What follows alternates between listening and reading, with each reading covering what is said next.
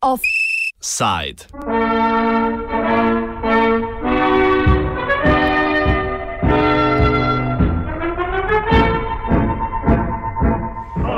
Pristranski zakoni stranke Zakon in pravičnost.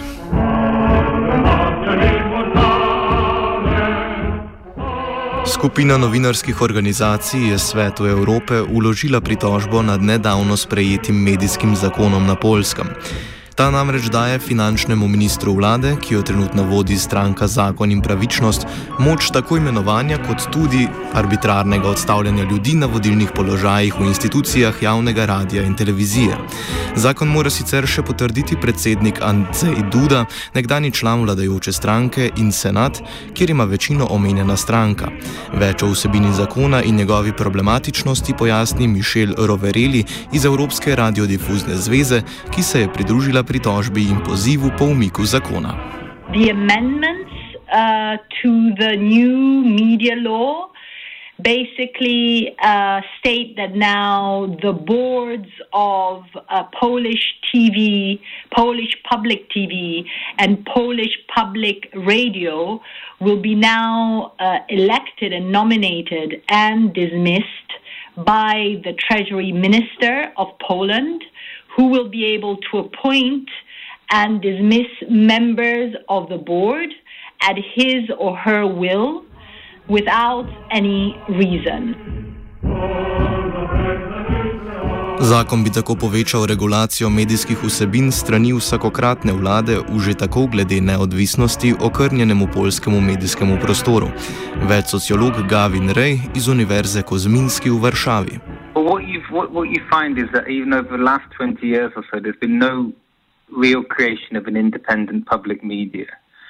Every time a government comes into power, the uh, there's a there's a large change within the uh, you know the editors and the staff uh, of the public television and radio, and this happens almost every every government. What's different in this one is that they have as you said, they've changed the the regulations on how uh, they will um, be appointing uh, people at the heads of the television and, and, and, radio service, which means that you know rather than being uh, rather than being appointed through the tribunal, that they'll be appointed directly by uh, by the government themselves. So this builds up a far more direct, politicized uh, state media.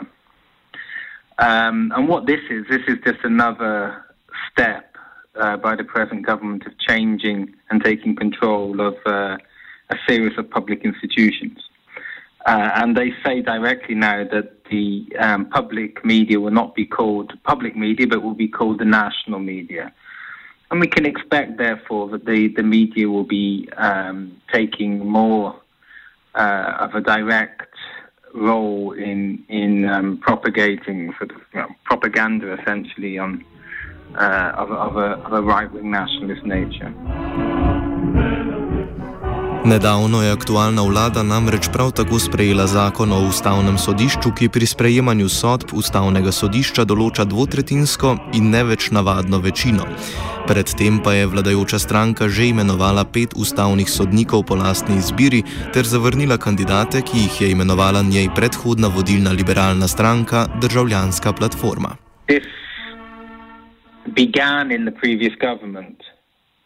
Um, in the Citizens Platform government in, at the end of their term in office that they elected uh, through the parliament five new judges. And what was most controversial here was that they elected two judges in advance so that their terms would start in office during the present term of the of this government. So after the ending of the term of the previous government. This is this was very controversial, and this went against the democratic um, practices of, of, of, of, a constitutional tribunal. So the actual sort of encroachment on the constitutional tribunal happened before this present government. What then the present government did was to cancel all of the five judges who had been elected in the past parliament, elect five new ones, the Constitutional Tribunal then judged that they should uh, keep uh, the three of the judges which were elected in the previous parliament, whose term started during the previous parliament, um, but not except uh, the two which had been elected in advance. So, in a sense, they were offering a compromise. Since this time, the um, the government rejected this. The present government rejected this.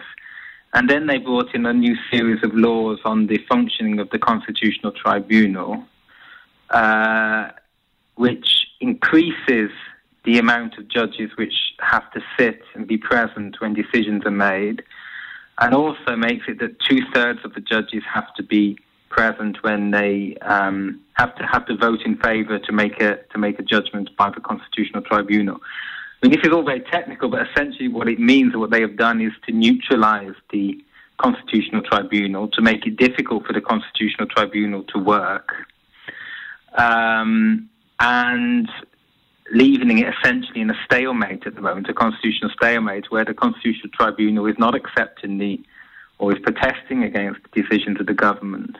The government are not accepting the decisions of the Constitutional Tribunal. And this is you know, causing a sort of open political fight within the, within, within the Polish state. Pozivi o spornosti omenjenih zakonov prihajajo tudi iz ostalih institucij Evropske unije.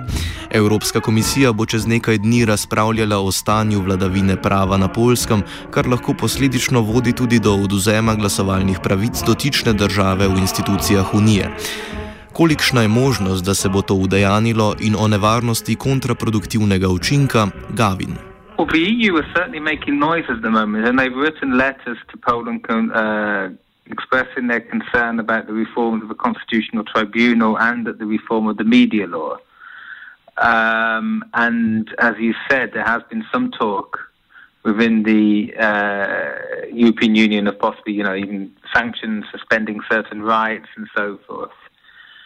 Um, I, I, have no idea whether that would actually go, but I'm, I'm, I'm skeptical whether that would actually go that far uh, and take direct actions against the present government. I mean, some within the present government, I imagine, would even be wouldn't be that disappointed with it, as they can. It fits the narrative of they are standing up for the Polish nation against the elite, of the European and Polish elite, and so forth, and. Uh, in some ways, it would even strengthen some of the hardliners within within PiS, and that's one of the difficulties that some in the EU face when dealing with this. To vrsten ukrep lahko zato poveča priljubljenost stranke zakona in pravičnosti, ki se ob to vrstnih ukrepih manjša, a in nevarnost izgube podpore zaradi oddaljenosti tako predsedniških kot parlamentarnih volitev zaenkrat še precej blago diha za ovratnik.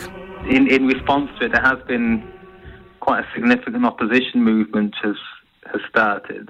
Um, there was, you know, already at least two large demonstrations, which are above expectations, and this weekend there were demonstrations about the media law planned in Warsaw.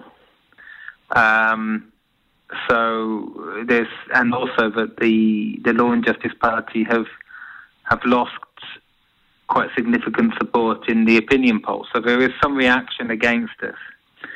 Um, however, PiS are in a, you know, Law and Justice Party are in a certain comfortable situation that they are a long way from any elections. You know, I mean, it's not just the presidential elections are four years away, but also the uh, you know parliamentary elections and the presidential elections are, are at least four years away. So. I think what they're trying to do is at the beginning of their term in office to rush through as many of the most controversial reforms as they can while they still have this sort of know, political space to do it.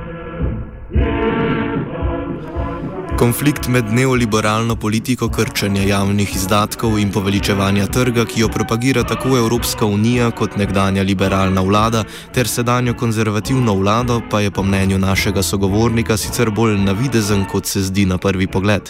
Over the period of the, the transition, that the Liberal parties who've been in government, the last one, the PO, have created a, an economic and social system where a lot of people have felt uh, excluded, large social inequalities have been created, uh, etc. uh, which has caused a, a, lot of dissatisfaction within society. Um, and over the last 10 years, the left has been virtually absent from the mainstream political scene, which has uh, provided the right, in, in, the form of uh, the Law and Justice Party, to um, to take advantage of this, that dis- dissatisfaction and uh, and leading to the, the, the creation of the present government. Offset je pripravil Tit.